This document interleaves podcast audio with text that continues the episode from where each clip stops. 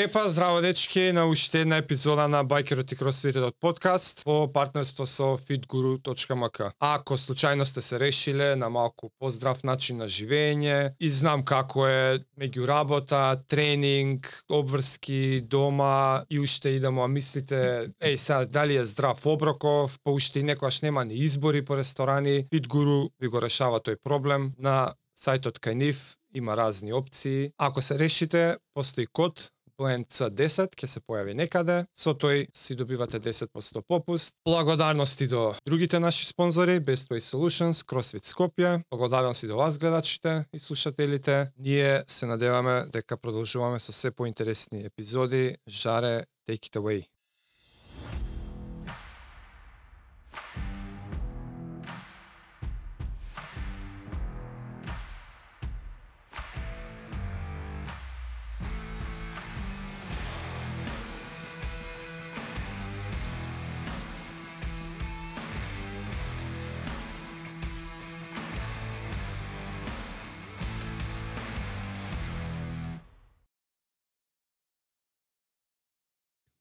Прв пат женски гостин, Ау, да. не искара малку. А која епизода? 13. Не знам. 13 Пишува женски таму. гости. Да. Да, мале И стварно? не сакај. Зорица Николова, психолог, не си наматава, не се секирај. Представи се ќе малце, се потрудам да сум по поопуштена и Не ти ова кој неофицијална. прошлите интервју. Гостувања? Да. Ајде, Жаре, фала на, на покана. Зорица Николова, дипломиран психолог, психотерапевт. Работам како психотерапевт во Неокуртекс, магистар по криминолошки родови науки, исто така работам и човечки ресурси во Магнетик. Нешто кратко вака. Али денеска не сме тука за мода да збориме. Точно така, денеска сме тука да збориме за ментално здравје и физичко здравје. Ете така. Ајде, ќе си почнеме од The Elephant in the Room. Ајде. Што е анксиозност? Нели модерно сега ќе бидам малце адвокат на ѓаволот денес. Не не го мислам тоа, него сега зборам за глобала. Нели луѓе од денес како Мгм. пред 15 години немаш анксиозност, кај се појави сега тоа, младиве цело време тоа е, гледаме ментал хел бла бла бла. Ајде да го објасниме, да го појасниме од стручен аспект, еве, Да, ќе се обидам по најдобро. дефиниција или како ти го сваќаш на Да, крајот. да, од ќе денот. се обидам нешто најблиско што можам да го доловам да биде вака за поширока маса или опфатливо да не одиме со некласични дефиниции. Така да во право си дека анксиозноста е во многу голем подем, особено во последниве две декади, како што расте подемот на ова наше динамично време на живење. Ам, така да факт е дека постоела и порано, Меѓутоа, јасно тоа како гледам дека порано имало нели полесни и поедноставни начини за справување со нејзе, па некако луѓето и може би само свесноста не била на толку високо ниво, меѓутоа мислам дека едноставно помирното живење и поедноставното живење. Сега, во последниве барем две до три децени, декади, декади не децени, се повеќе се зголемува потребата да ние имаме повеќе обштествени улоги, да ние се повеќе влегуваме во улоги во кои од нас бара да сме перфектни, да покажеме повеќе знаење, да имаме повеќе достигнувања, да сме баш онака пар екселанс за некоја улога. И сето тоа ни прави еден дополнителен стрес, така да тој стрес кој призлегува од наши повеќе животни улоги што ги носиме е зголемен стрес кој се манифестира како анксиозност. Значи анксиозноста е всушност одговор на стрес кој ние го имаме на секојдневно ниво. И во право си дека се зголемува се повеќе и се повеќе слушаме за анксиозноста. Се зголемува или Не, не, не, се зголемува. Дефинитивно се зголемува. Мислам, она постоела, меѓутоа се зголемува затоа што се зголемува динамиката на нашето живење. И се зголемува. Меѓутоа, од друга страна, има еден друг сегмент каде што се повеќе слушаме со незе, затоа што исто толку се повеќе имаме достапност на информации. Така. И допол... Достапноста на информациите во денешно време, на тоа што ние сме изложени на повеќе медиуми надвор од класичните конвенционалните медиуми, нели ова е нов медиум сега кај што сме ние, се повеќе ти прави да си достапен за тоа што е анксиозност. И сега има тука една негативна страна на сето ова да кога нешто е толку зборено, зборено кога нешто е толку атрактивно, кога нешто е нели Модерно, all over подмодерно. да а, all, така лебди на секаде околу нас, многу лесно ние можеме да се залепиме до некоја како се вика, до одред, се препознаваме себе си во одредени ситуации. Сега ако вие прочитате, не знам, прочитам некоја статија денеска дека овој човек е анксиозен поради тоа и тоа, нормално јас ќе препишам некои симптоми дека ги имам јас. И са ти Томас, јас, или сме луѓе кои веќе имаме одредена емоционална зрелост или можеби како се вика резилиентност веќе изградена и можеме да го схендламе дека окей, ова може да ми се случи мене во одреден период, меѓутоа после некое време јас ова го хендлам и гледам дека можам да го да го да се справам со него и него гледам како потешкотија. Меѓутоа, кога станува збор за помлада популација Е, или за луѓе, да, за помлада попу... еве да се задржиме тука за помлада популација, на пример тинеџерите, имаме ситуации каде што имаш а, зголемено ниво нели на анксиозност и како состојба се повеќе затоа што младите никогаш мислат дека тоа е модерно. Исто како што сошијал медиумите или TikTok, нели TikTokот моментално им пласира дека е модерно да ти се облечен вака или модерно е да спортуваш и модерно е а, ова или тоа, исто така е Чекай, дека е модерно модерно да си да си анксиозен. анксиозен. Е токму така. И се случува. Не дека не се случува, се случува. Мене мене на пример ми е многу кога ќе ми дојде клиент во сесија кога ќе самиот ќе се диагностицира, мене малце уво ме боли, не ми е добро, затоа што јас не се расфрлам туку така со диагноза и не смееме да се расфрлиме туку така со диагноза, затоа постојат одредени психолошки тестирања кои јас морам да ги направам, нели доколку се бара од мене да направам тестирање, тоа е таа психодиагностика и да кажам кон што јас мислам, имам според земената анамнеза дека овој човек може да има состојба во моментот. И тој што после тоа ја одобрува таа состојба и дава фармакотерапија за незе, е психијатарот кој е друго стручно лице, медицинско лице. Јас давам само според земената анамнеза предвидена состојба, што мене ми личи дека овој човек Што ти мислиш дека? Да, така да нормално многу е битно да нели колку јас тука имам повеќе искуство за да дадам подобра, да земам подобра анамнеза и да дадам подобро мнение. Тоа се вика тоа- психолошки наути мислење. Нели тоа некогаш и позитивно да кога си анксиозен за нешто, кога Да. антиципираш или да. Да, таа е таа позитивна анксиозност која е добра да си ја вртат секогаш према негативно, она Знаеш, анксиозен, имам се модерни терминологии, social anxiety или се такви кои ќе слушнам малце ми е можно ли е дека младиве денеска и со има нели статистики со Добре. измислувањето на првиот iPhone 2007 2008 Добре. не знам кога дека mental health ствари односно unhealth Мгм. mental sickness расте ствари или може би awareness може би што кажете достапност на информации али може ли ова чудо да е директно во директна корелација за зголемување на таа работа у стилу на а, сега децава ние у наше кога бевме деца Да. средно немавме popularity contest, него онака да има фи, мерка на мерливост колку е популарен, има лајкови, толку followers, Добре, толку. А сега тоа ти е најпопуларен и дали е сега тоа друга као причина Мгм. што младиве денес можеби се почесто нели средношколци тинеџери кои што кажа се осеќаат така заради тоа дека се мераат некој се ја имам поише лајкови тебе или followers или види го и 200 лајка има или не знам што или 200 followers Мислиш за телефон. да со из... Да со invention of the iPhone 2007 так, 2008 а ти смартфон на тоа мислиш сега. да. И за смартфон. Двете работи па нема едно без Па друго не исто е. Добро, и вајде за социјалните медиуми без разлика кој на каков гаджет ги користи, може така? да бе сега ајде 3 2 Take it away. Декитаве.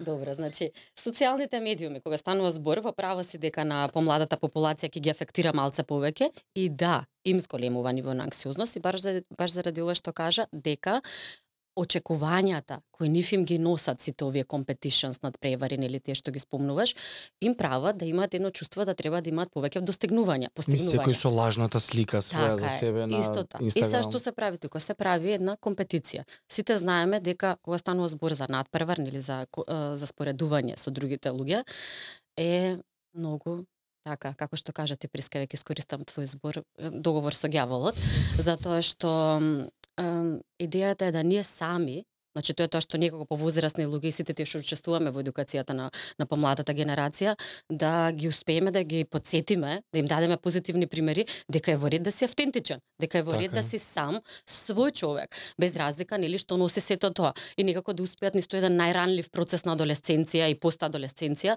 да успеат да се пронајдат вистински себе си, зашто сите знаеме дека во средно школа и па и пред средно школа сега бидејќи малце порано почна адолесцентниот период, нели полесно по порзо влегуваат децата во пуертет, тие се едни многу кревки години, каде што ние Се апсолутно тражиш, појма Така немаш, е, а мислиш така дека све знаеш. Така е. И тоа е многу ранливо. Баш е ранливо за ние каде како каква слика градиме за себе. И сите овие надпревари, сите овие споредувања со другите луѓе, како изгледаат, каде бил, што направил, како постигнал денеска да има и спорти, да излезе надвор да има петки, да има добра девојка, да има добар дечко, сите тие работи како да изгледа, сите тие работи ни прават ни прават на на, на помладата популација да едноставно не можат meet the expectation, значи не може да, да ги достигнат сите тие очекувања и ти прави дека ти си помалку вреден, недоволно добар и ти прави едно чувство на негативна слика која нели внатре работи позадина и ти прави е- таа анксиозност. Да.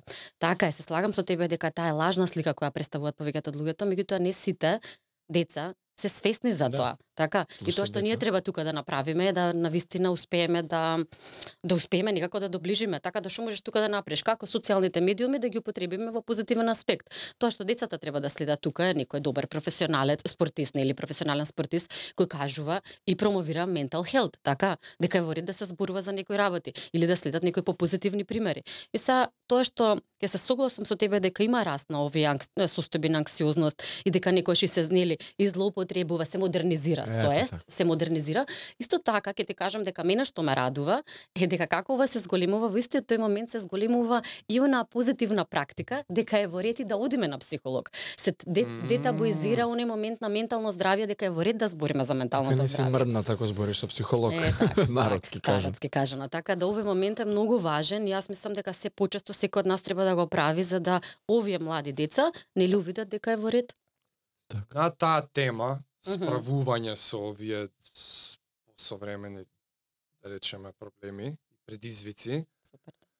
ние сме професионално деформирани тука и се гледаме низ перспектива на спорт и тренинг, и исхрана, Добре, и да. здрав живот, и self-growth, и затоа морам така да прашам, како и колку, еве, општо гледано, грубо, тренинг, физичка активност, инволвираност во спознавање на физичкиот дел од нашето битие, Мгм.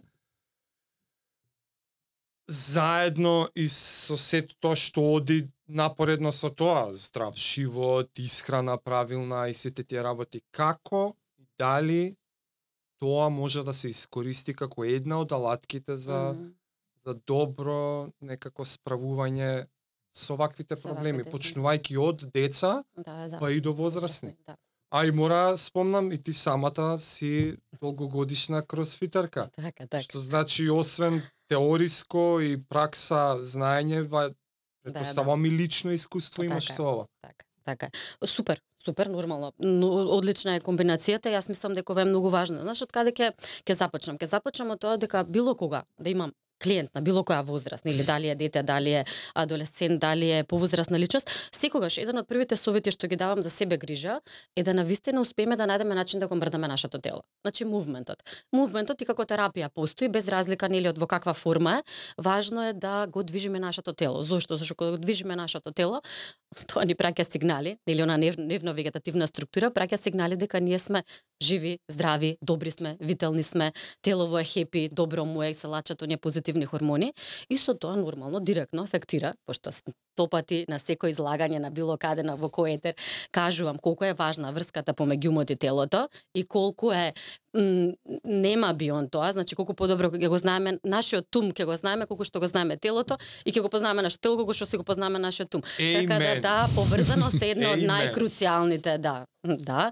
Um, многу круцијален момент и мислам дека тука баш оној мувмент на било што. Значи било што. Јас имам а, клиенти кои се борат со оби, а, со обис, така да кога се борат со тој момент нормално дека битно е да имаш една најбазична мувмент а, терапија, а таа е пешачење, ако ништо друго, Мм. така, или пливање, кој што што знаеме дека телото Нема нели, многу импакт. Ете така, да. А другиот момент, нели, знаеме сите, затоа што анксиозност исто така сите овие модерни нели состојби и предизвици, кога станува збор за анксиозноста, таа е рака под рака со депресијата и многу е битно во тој момент, особено за тие две состојби, многу е важно да се регулира телото преку преку движење. Така да ако нормално јас сосеќам осеќам overwhelmed оваа недела од работа, така, не можам да, значи буквално сум прегорена оваа недела од работа, тоа што на вистина мене барам еве лично од аспект ќе ќе кажаме би ме регулирала е да одам во природа. Значи дали тоа ќе биде хајкинг, дали ќе одам на базична прошетка покрај Кейпреска, рековме нели пред емисија или нешто друго, тоа е тоа што мене ќе ми даде да се чувствувам подобро. И што кажува да малце помалце се ги мислиш грижите, знаеш, да ги имаш грижите тогаш. И дополнително нова има еден нов момент повеќе во неуро невробиолошки сегмент, а, многу е важно кога сме таму негде во природа да го имаме оној момент на ейф, не знам точно на македонски сега, ейф момент кога ние се фасцинираме колку природата е голема.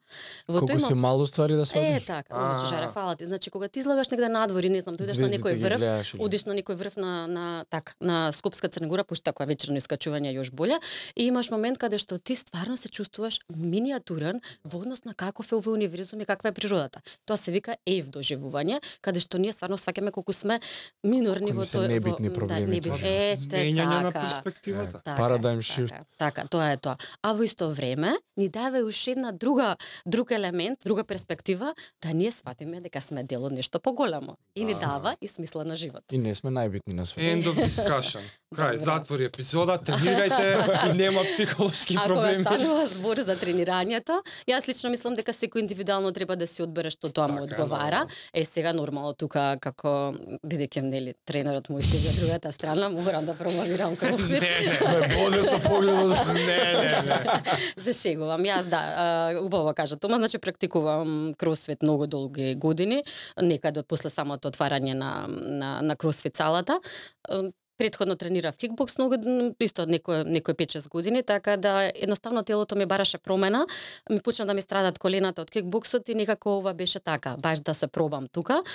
И се уште сум заглави. тука, да, и се уште сум тука. Имаше по- имаше повремено периоди каде што менував со друг клуб, каде што и тоа ми беше окей, меѓутоа пасата секојаш едно мултифункционален фитнес и пак ја кажам, имало периоди кога стварно сум знаела да поминам и на другата страна од аспект на нели нешто не си во добра и недоаѓање меѓутоа еве аспект на можеби негде емоционално не сум била на добро место, така па ќе се префорсирам со вежбање или па емоционално не сум била на добро место, па ќе избегавам Нема ни тренинг. да одиш. Па нема ни да одам на тренинг Као и тоа е исто поврзано со компензација си правиш. Да, да. Тие се компенз... тоа се промени во позадина, нели каде што во тој момент можеби не сум имала доволна снага за да се кренам и да отидам на тренинг, меѓутоа од друга страна може и да не било нешто во позадина, окей, тука и таа слика за себе што збориме кај децата, каде што колку јас повеќе вежбам, толку ќе изгледам подобро, може ќе се чувствувам подобро. Mm. Има еден мал момент дека уствари не е така во позадина, затоа што во позадина треба да сме стварно добри емоционално за да нели тој тој баланс што треба да се најде Таму секој ја ќе да, да ја овака најде. претераш да. Да, и која притрши исто така знаеме дека и не е окей. Меѓутоа тоа што дефинитивно можам да го кажам од себе од искуство своје, од искуство на луѓе околу мене, од искуство и на на клиенти е дека на вистина е важно да се да се практикува физичка активност и затоа што ни помага да се чувствуваме подобро. Ствари, Да. тоа е она што те прашува пред некој ден со на Хели Адамс. Има Да. една кросфитерка што е up and coming, еве за тие што не знаат. Хели Адамс се вика, со Рич, на Рич Фронинг дете е, кај него джим и е као една од најперспективните млади кросфитерки 19-20 години. Има више 2-3 пати на геймс била на второ, трето место. 19 од youngest teen best па ова и се годинава не се такмичи девојката и баш Зорица прашав е, пред некој ден и ја пуштив девојката кај на една подкаст епизода кај Батиња од Америка со кросфит што се бават и уствари она сезонава се повлекува заради mental health issues Да. И ти ја прати не ја гледав јас Јас морам да ти признам дека исто така не се напишав домашната не, не изгледав, меѓутоа можам да дадам еден да осврт. прашам, да, за тоа сега да те прашам дека уствари ете што спомна Да. преска ти спортот не секогаш е оној што те вади од тоа, него некад може да те те- внесе ради оние да. очекувањата што ги зборев. Да, тоа е тоа. Исто така NBA Кевин Лав пред 2-3 години, исто еден од подобар кошаркар. Mental health struggles. Да. anxiety issues, бла бла бла, такви работи. Са Бајлево баш видов Добро. уште еден кошаркар брише социјални медиуми, затоа те прашав Мм. тоа. Uh, off social media.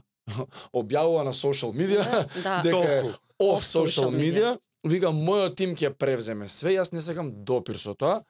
кажува причини за тоа? uh, имам mental health issue, Мгм. mental health issues со тоа што веројатно таму и кога имаш тие над милион фоловерс, те Да. напаѓаат луѓе Да, коментари, да, е ова тоа. чита, се обзема со лошото и веројатно е ради тоа не знам, ама ете со девојкава, со кросфит помага, ама од друга страна кој си прекомпетитивен знае да ја зезне работата. Тоа е тоа. Дали е тоа причината ми е, Да, ми е да, мојот се- прашање. Претеризмот. Да. А знаеш што е тука? Претеризмот Дали валјда. само од поставувањето очекувањата, Очекувањата целите, целите што ние ги поставаме на сам на себе и не само целите што ги поставаме сами на себе, целите кои ни ги поставува тимот, викаш дека оваа девојка се надпреварува, така? Да. Значи, она има очекувања кои Да тренерот следната. ги има очекувања за незе. Она има очекувања Да. на сама себе, од сама себе. Тука се тука имаме тука има многу врска што нели секој професионален атлет, спортист нели има една слика за себе, визуализација кон каде сака да оди, така особено кога се бави професионално. И таа слика доколку е реална доколку оди паралелно со очекувањата, со неговите исто перформанси телесни и нели Јас секогаш сум да се бутне малце повеќе, нели, да се излезе од комфорот и секогаш има повеќе достигнувања, да се видиме ние себе си малце и преку оградата и кога ќе паднеме. Меѓутоа, од друга страна, сето ова знае да направи многу, многу, многу голем товар. Значи, многу голем товар. А, од кој аспект? Паѓаш еднаш така, да, не, не, не успева да го достигне да тоа што мисли. Од друга страна, товарот на сликата за себе дека он е атлет во рајс и прави да да има една анксиозност од позади дека Виде, ја разбирам малце до некаде, сум бил во да, истата бил, ситуација. ето, тоа е тоа. тоа е Ама тоа. далеко од низината, се. Добро, сега Сама работа. предпоставувам дека еве и со ова другото што кажа дека се повлегува в медија, може да замислиш колку вие онај исто така кога ги читат тие постови на сошијал медија, очекуваме девојче? од тебе ова, очекуваме ова од тебе, браво, браво, она треба не само тренерот и себе, она треба уште колку таму фоловер се да оправда дека она стварно е најдобар Па атлет. добро, може има и лоши коментари. А Сега да бидеме реални, така е, имаше Да, таа да, да. страна, е, имаше таа страна. Да, и мрднати се Да, луѓе пишуваат да. све и свашта, знаеш. И тоа што тука е многу важно е дека ние мораме да ги лимитираме овие бомбардирања со информации од социјалните медиуми. Јас за себе имам една Тука добра има ли рутина. е тоа ќе Да, еве јас кога тргнам со мојата рутина, јас после 11 сати имам слип мод на, мод на телефонот и јас не примам нотификации. Дес. Ја одеш. Да, одлично. Ете, тип Тоа говори за нашата ментална резиленција. Плюс на сите апликации имам стаено Но. а, онакво тракер после 30 минути disabled. Да. Така да тие се тие моменти каде што ние можеме да се помогнеме на саби себе да не сме бомбандира, м, бомбандирани од информации. Бомбардир. Да. Тоа вели сме overflow од информации. Зошто? Затоа што Мислиш се мери се се подобро, ако Да. Тоа што е премногу, се е Премногу е. премногу. Да, се фаќам е нека човече скролам. Се се скролам, е вози на некоја да. пак хормонален баланс, допамини, вакви, Така онакви, е. са ја колку знам, не Така е, знам. така. И, Ами така е, што не е тоа Ама научна фантастика. ш- ш- с- другата страна на сличнава ситуација е ја го имам искусено најверојатно и ти. Многу посветени, многу успешни професионални атлети. Си задаваат цели, притисоци, Мгм. окей, ама се случува да ги исполнат Добро.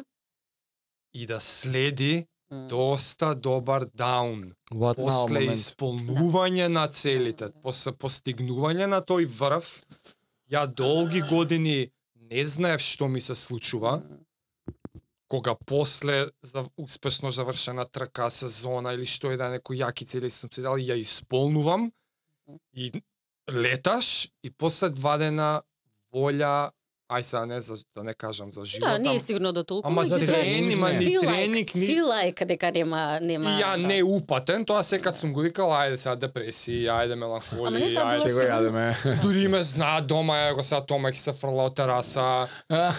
И ви, за задниве години се поише пробувам да се информирам, дека се тоа зависи од некои си допамини, па пикови, Ама, Хормони. ама зна, многу едноставно се празни чашката. е Значи така. се- серотонинот е чашка која се да. полни и се празни. Така да ако ти го оверстимулираш мозокот или нервно-вегетативниот твој нервен систем со бомар или со пак со, со премногу информации го трошиш. Серотонинот е плафон и нормално дека после некое време ти кога ќе го ова исто и со адикција. Исто Да. што адикција во позадина, така? Така да ти колку повеќе го истрошиш серотонинот, нормално дека празниш нагло чашката и он не може да се напуни. И сега нормално кога не може да се импулс да, го пуниш да, со и се тоа е, тоа е повеќе. каде што треба да се најде балансот, да се повлечеш малце некое време и да речеш, во рете, Да здраво е да сега застанам пошто ја направив оваа трка. Јас сум задоволен од очекувањата од оваа трка, така? Ајде сега малце да одморам затоа што мојот мозок е оврстимулиран, значи се одмараш малце, налагаш нешто друго што тука тука е битна реорганизацијата, Томас. Е, Тоа што тебе ти требало тогаш е реорганизација. Што мене ми е исто друго важно во животот? Што мене ме исполнува исто така? Тука се повлекуваш, може да биде било што, може да поминеш време со, со твојот супорт систем, може сам со себе да поминеш, може отидеш во планина Да, два дена да, да, не да. гледаш жив Е, човек. па баш тоа ме И интересираше. тука е битно да малце се избалансираш, да природно се наполни серотонинот Да. повторно и тука веќе повторно ти можеш да поставиш нови очекувања, нови цели од сам себе. Последниве Затоа што ако ти години почнеш ајде ова, ајде сега ова, ајде Знам, ова, знам, ајде, да. Тоа е машината е ствари страшна. така? Така, и тоа е брнаутот, тоа е тоа што доаѓа во брнаут. И ова не е само за спортот, ова е за многу сегменти од животот. Ајде сега За треба се, ова, да. треба да постигнем Next ова, се после станов quarter. треба кола, после кола треба уште еден стан. Ова е исто и со работа. Сега добив оваа позиција, ајде сега на оваа позиција, ајде на две работи. Мислам, влегуваме квартал, лесно. ја дури Овде памтам. и конзумеризмот, конзумеризмот и општеството исто што бара од нас, значи пак е она што од нас општествуваат општестве, очекуваат општествените улоги. Ја дури памтам пред некоја година кога го прочитав ова, Добре. самото знаење за таа ситуација ми помогна. Сам Така. оти претходно не сум ни знаел Awareness-от. не свесноста, не сум знаел што ми се случува. Мгм. И од кога само го дознав ова што го кажа, Мгм. веќе ми беше од огромна помош.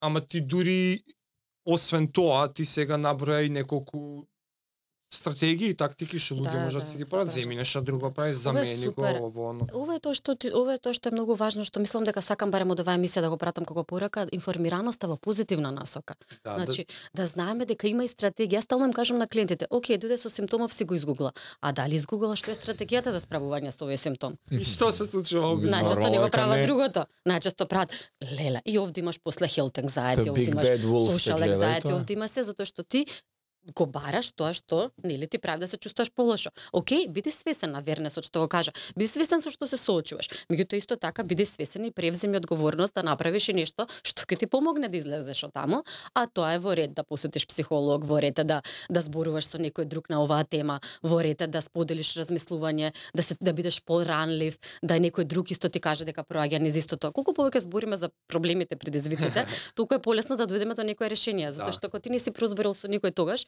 немало никаде да проучитеш, така. Мислам Да, едноставно свесноста Да, да, да. дека има дека некој друг може да му дозволиме да ни помогне е таа што всушност ни прави после да сме подобри да најдеме стратегии како да се справиме со тоа што се соочуваме.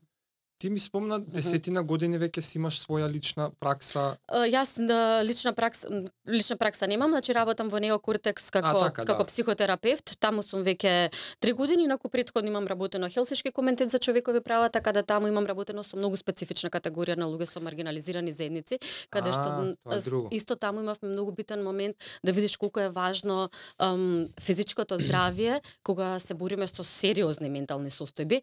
А, посериозни тука би ги кажала нели па не знам, ми доаѓаат клиенти, ова збориме за жртви на насилство, жртви на булинг, Аха. жртви на на мобинг, значи по специфична категорија на луѓе кои веќе имаат ментална состојба разбиена, каде што ни стекот на адолесценцијата страдале затоа што ме биле поразлични или навер...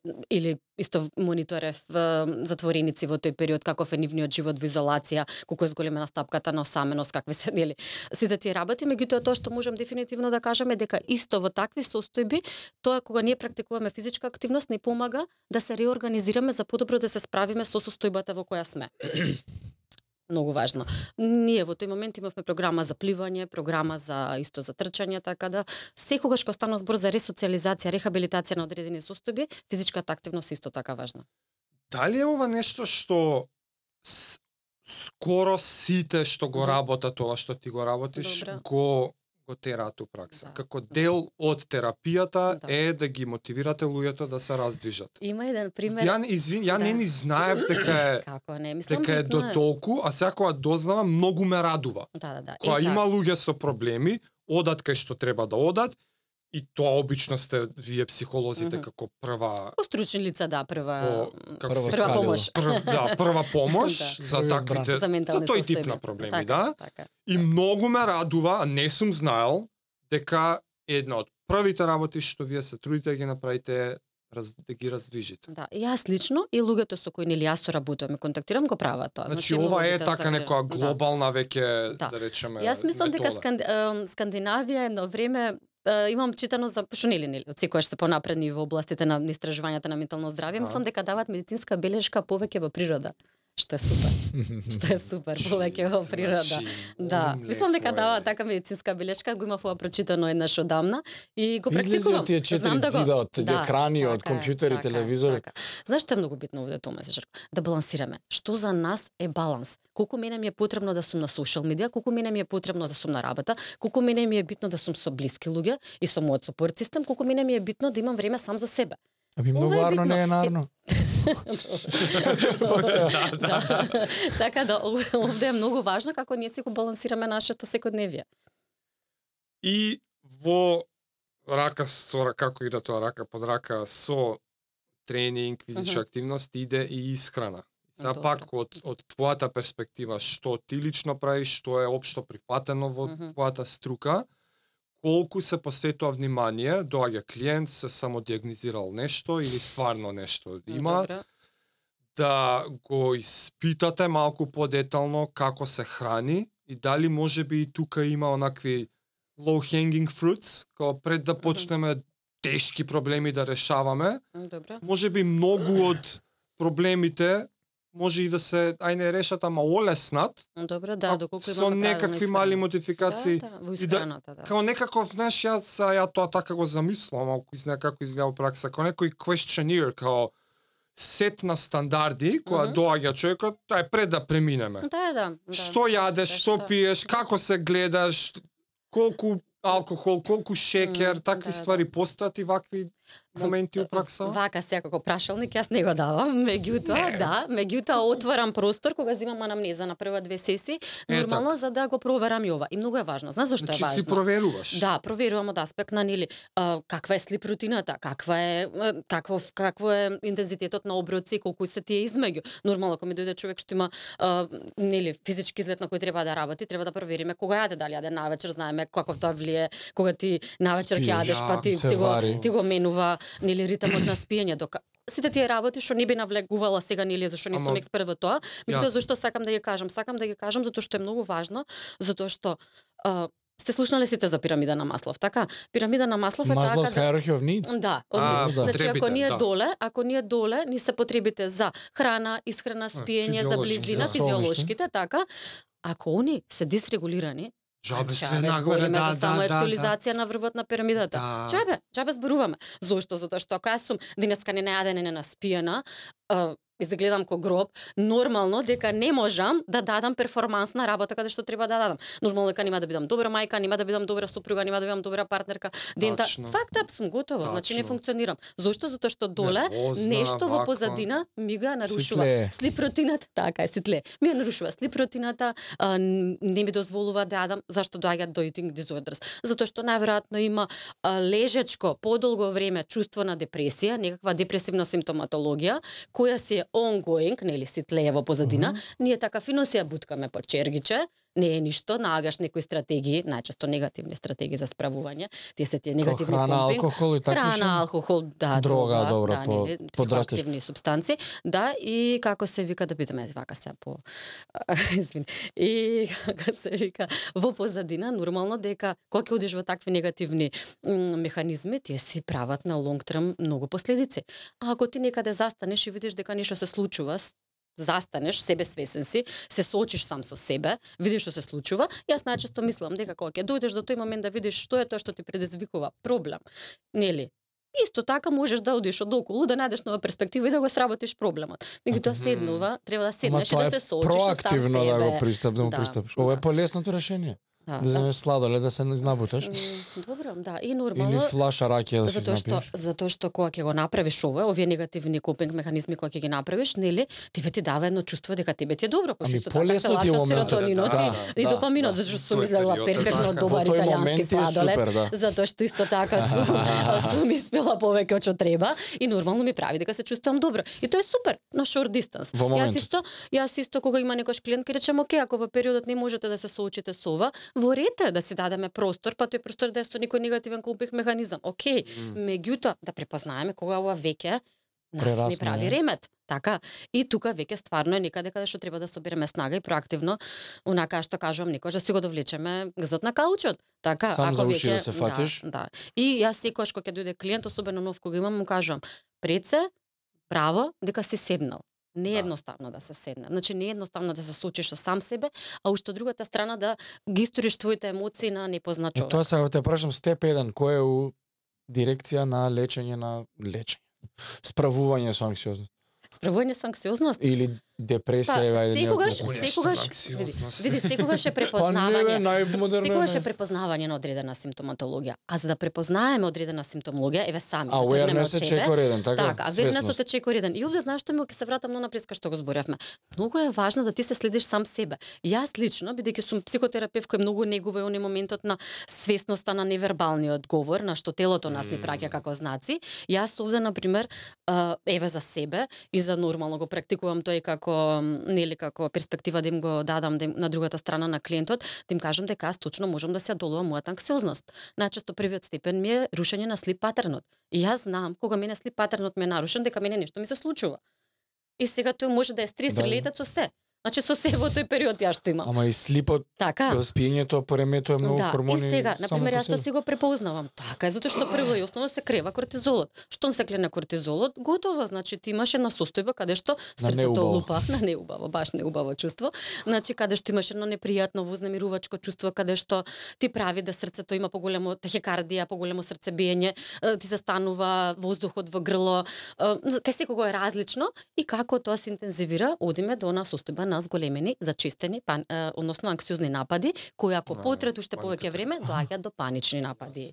И тие се така сивир малце, баш сивир зборот каде што трае до 10 до 20 минути, не се едноставни да се да се применат зашто Тоа е кога тој мислиш момент дека ќе умреш во моментот, а? Да, да, тоа е тоа, а и во тој момент Немаш треба да се повикаме, да, во тој момент треба да се повикаме на на прва на како се вика на првите наши моменти каде што ние можеме да се да влеземе во кој е патот од релаксација. вадење од таа Па најчесто најчесто тоа што прво се применува на да прва се рака, да, на прва рака е моментот да ти тогаш можеш да се повикаш еве на техника на визуализација на пример. Исто кога што ти визуализираш кога сакаш да постигнеш одредена цел, а тоа е трка од 42 километри или нели планина за нешто друго, како што поставиш како цел, исто така во тој момент е важно дека јас имам раж во телото ја имам состојба на зголемена анксиозност, што ми помага. Се обидувам да до 10, да затворам очи и визуализирам на пример место кое ме релаксира. Визуализирам место кое се Аха. чувствувам безбедно. Ова е многу се визуелните техники се многу мукни, нормално не се едноставни во тој момент да, да пристапиш Е, до тоа ќе те праша, во тој момент сигурно е многу тешко Тешко. Се и согласувам све дека е сакаш тешко. освен да визуализираш. Меѓутоа, ќе се повикам на твоите зборови, се што е тешко е тешко, меѓутоа кога ќе го правиш малце почесто, влегуваш Да, во рутина,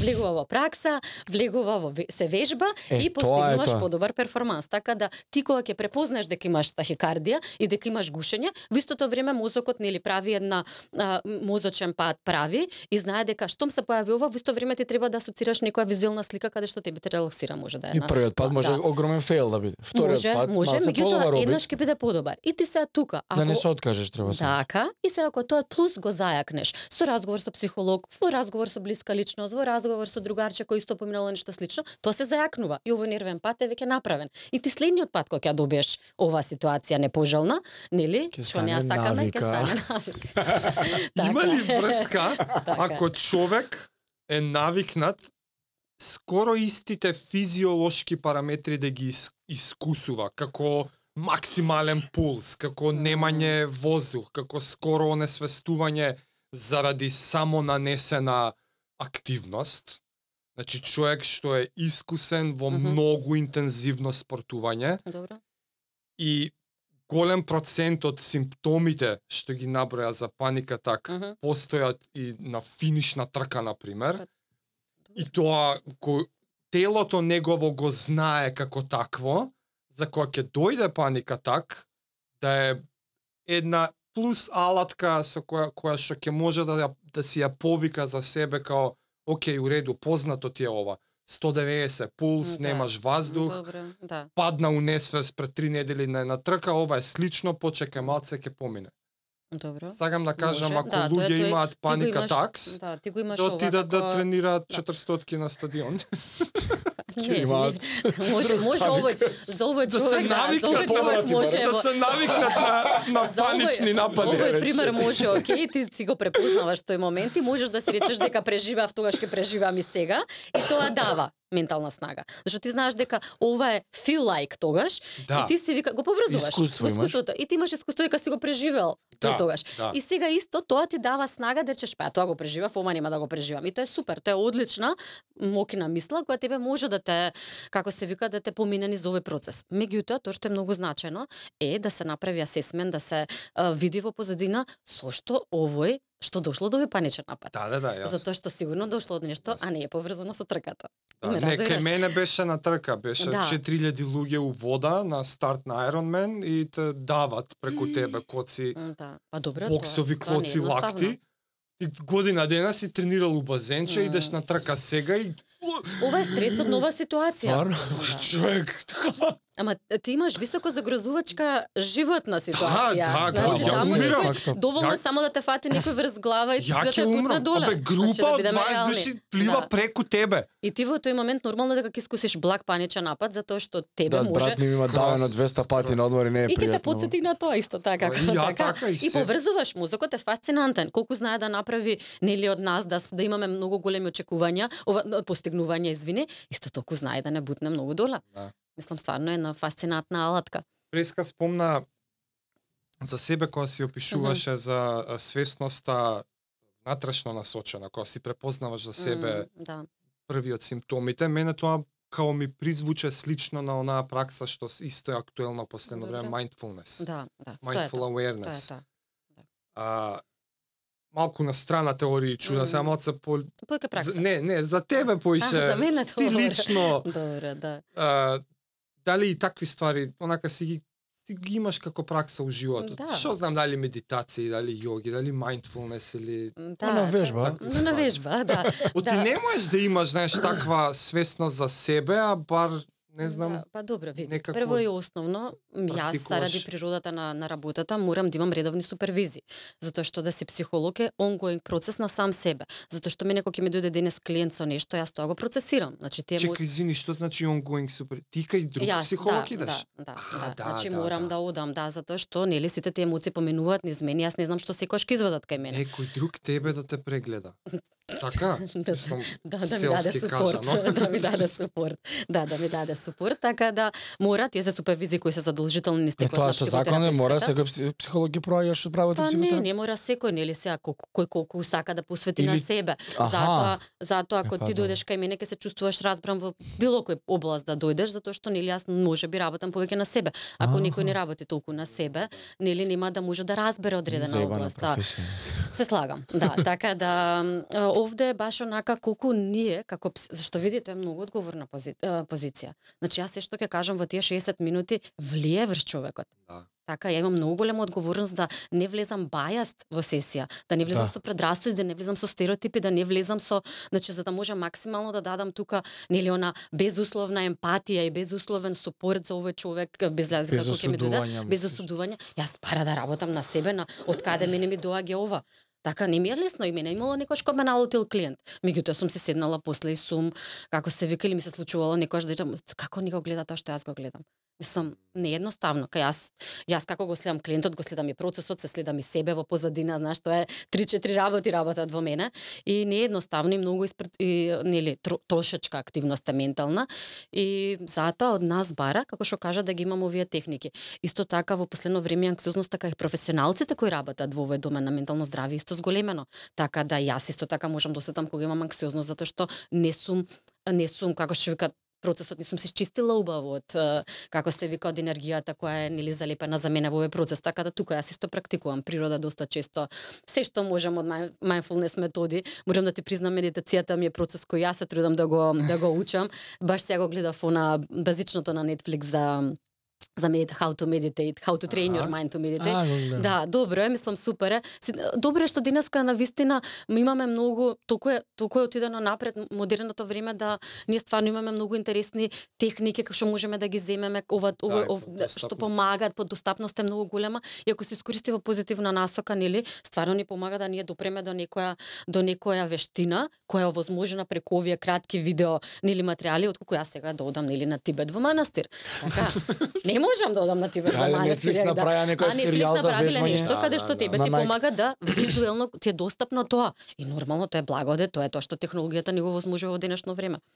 Така, Ја ти спомнав и пред да кажам, Хајде. мене ми е страшна пасија психологија и ова може да си го тераме со денови. Сега имам Да. да. моментов две прашања. ајде да почнеме. Не се ни прашања, интереси се. М, Добро.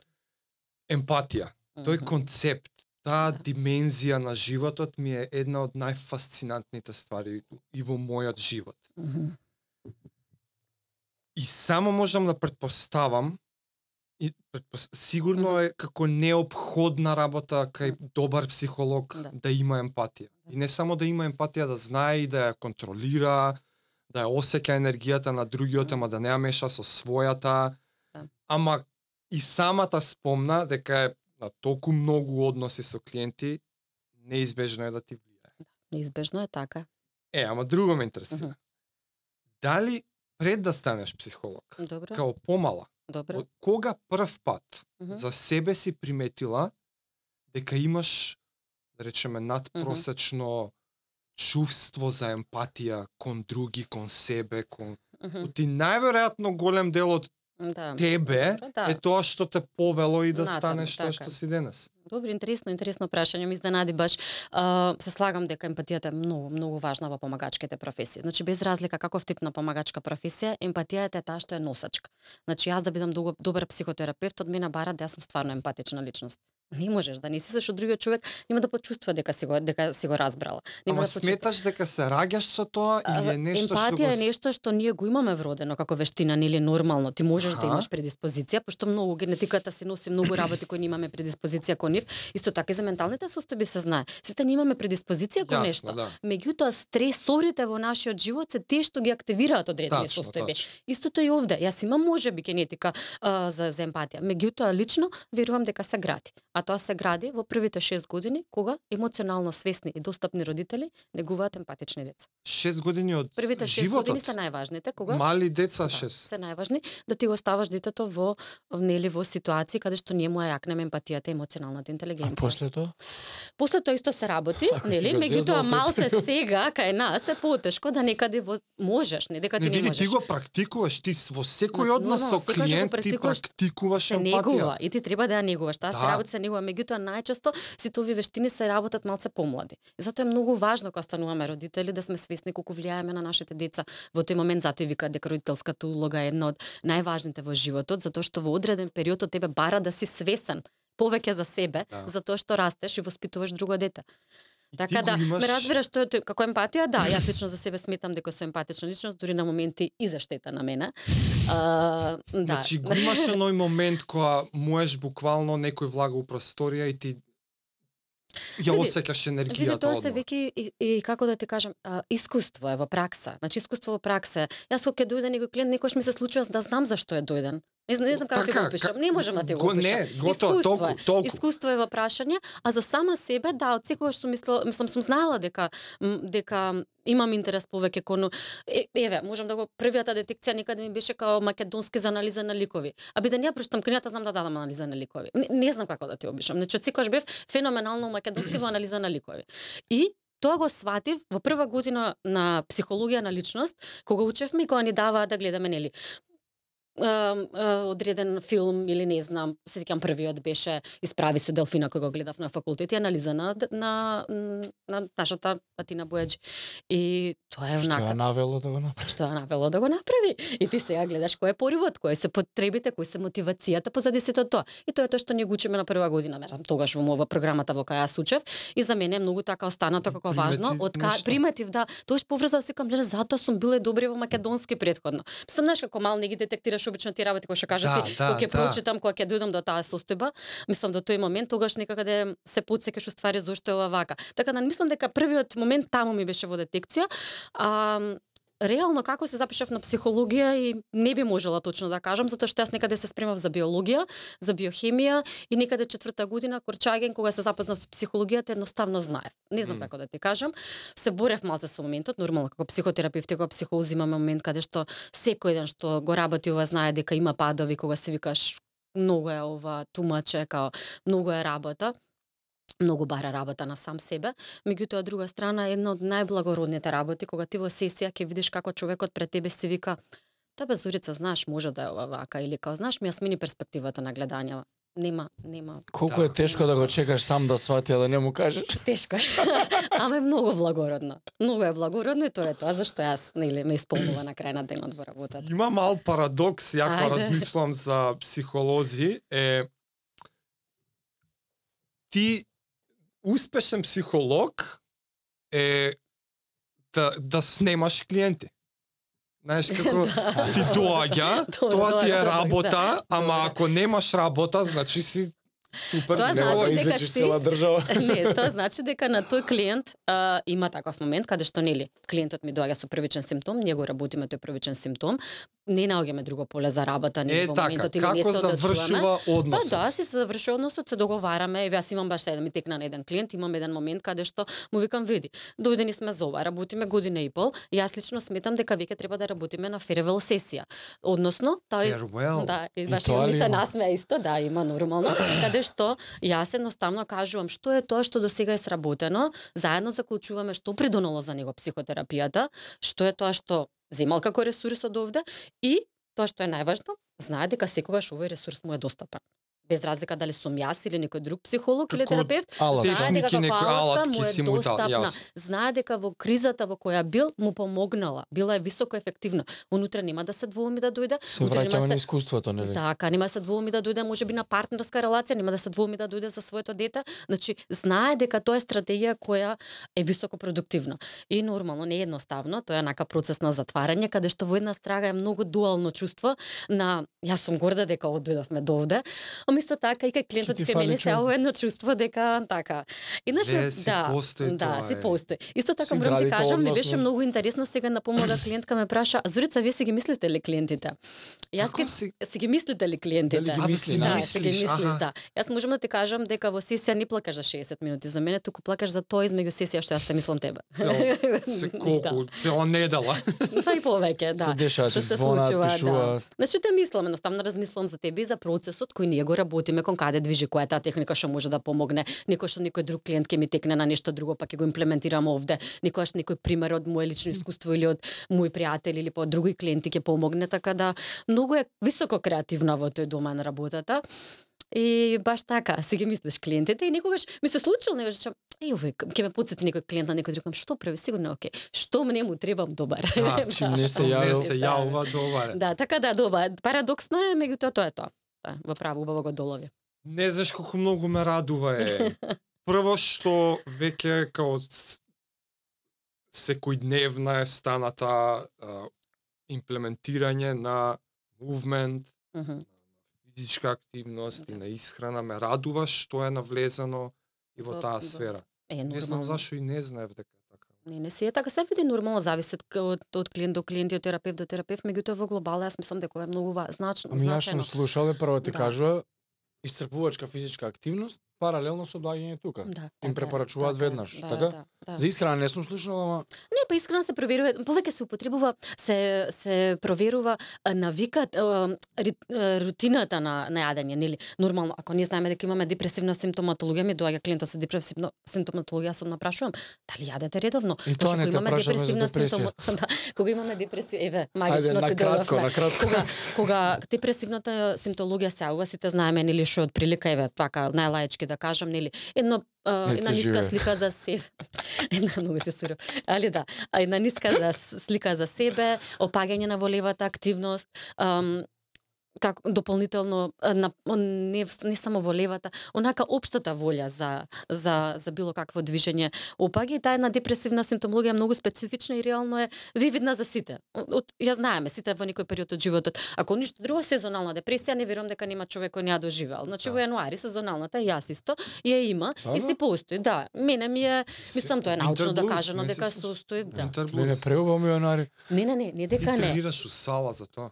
Не е толку и тој, мислам кај сите е различно, меѓутоа постои, постои како момент. И сега И моментот факт е е како сонце менува, Така, така тој- светлина тоа која е повод денот, сите се среќни. Пократок е денот, Така, значи така. не ти Да, е бе, авто, депресивно е времево. Да. Тмурно е Тоа нешто. е тоа.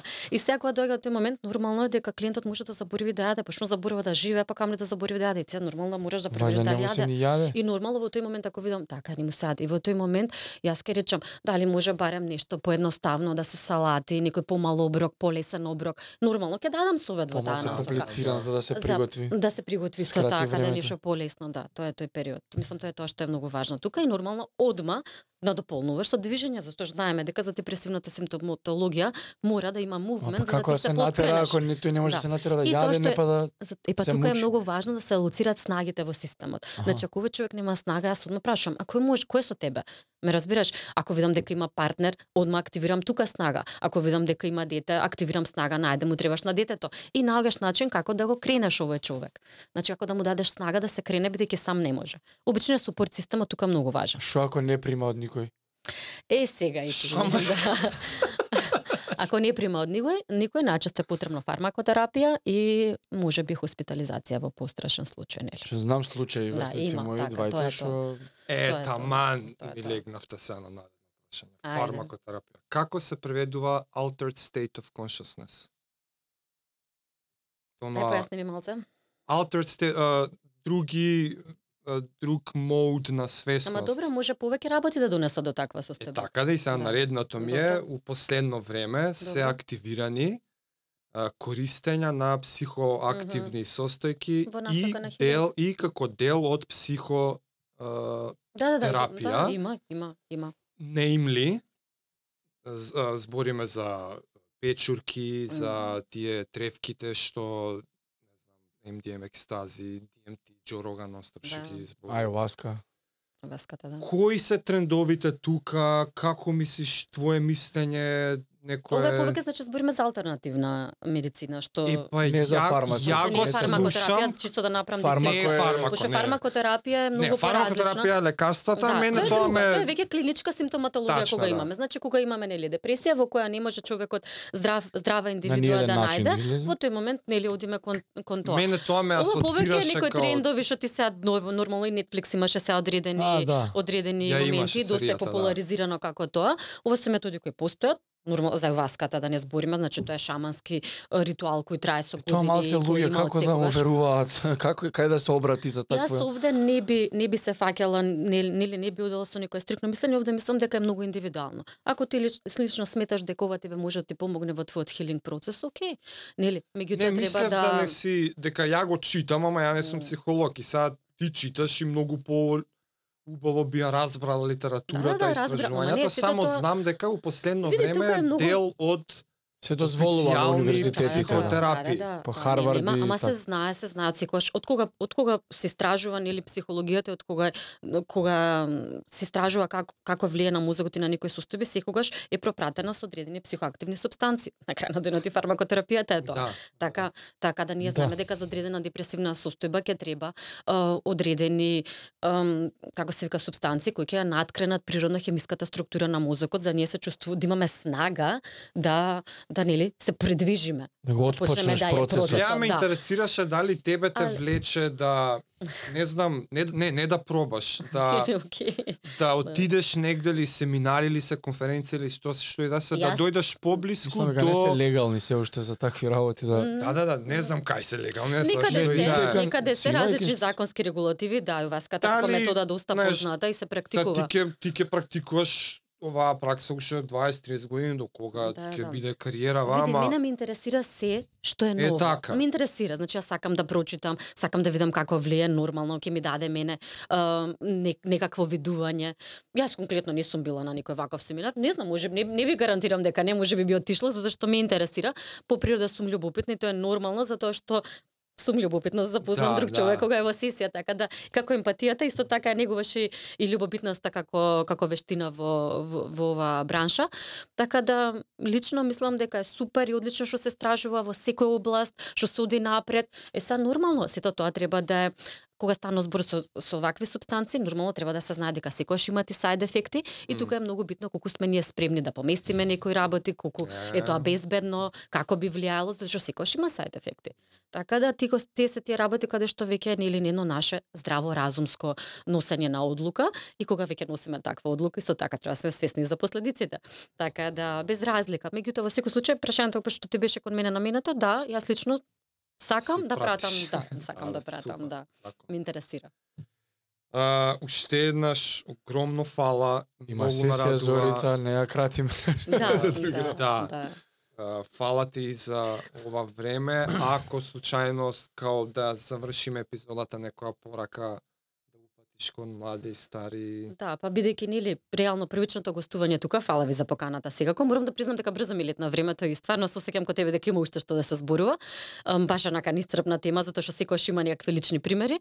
Тоа што ќе оставам некаде за крај баш заради тоа што дојдовме. Едноставно да луѓето се свесни за врската помеѓу умот и телото и колку е важно да ние навистина го негуваме телото за да имаме една поголема ментална ментална снага, а исто така и да се смести колку е одбратниот процес нели во во, во насока на спортување, колку нашата ментална снага ни дава и момент да пого поместиме нашите нашите перформанси, така да ете никако со тој момент една поголема свесност, една поголема грижа за сами себе и исто така некако да би го завршила со овој момент каде што зборевме што мене многу ме радува е колку се нормализира веќе и се зборува за менталното здравје. Браво.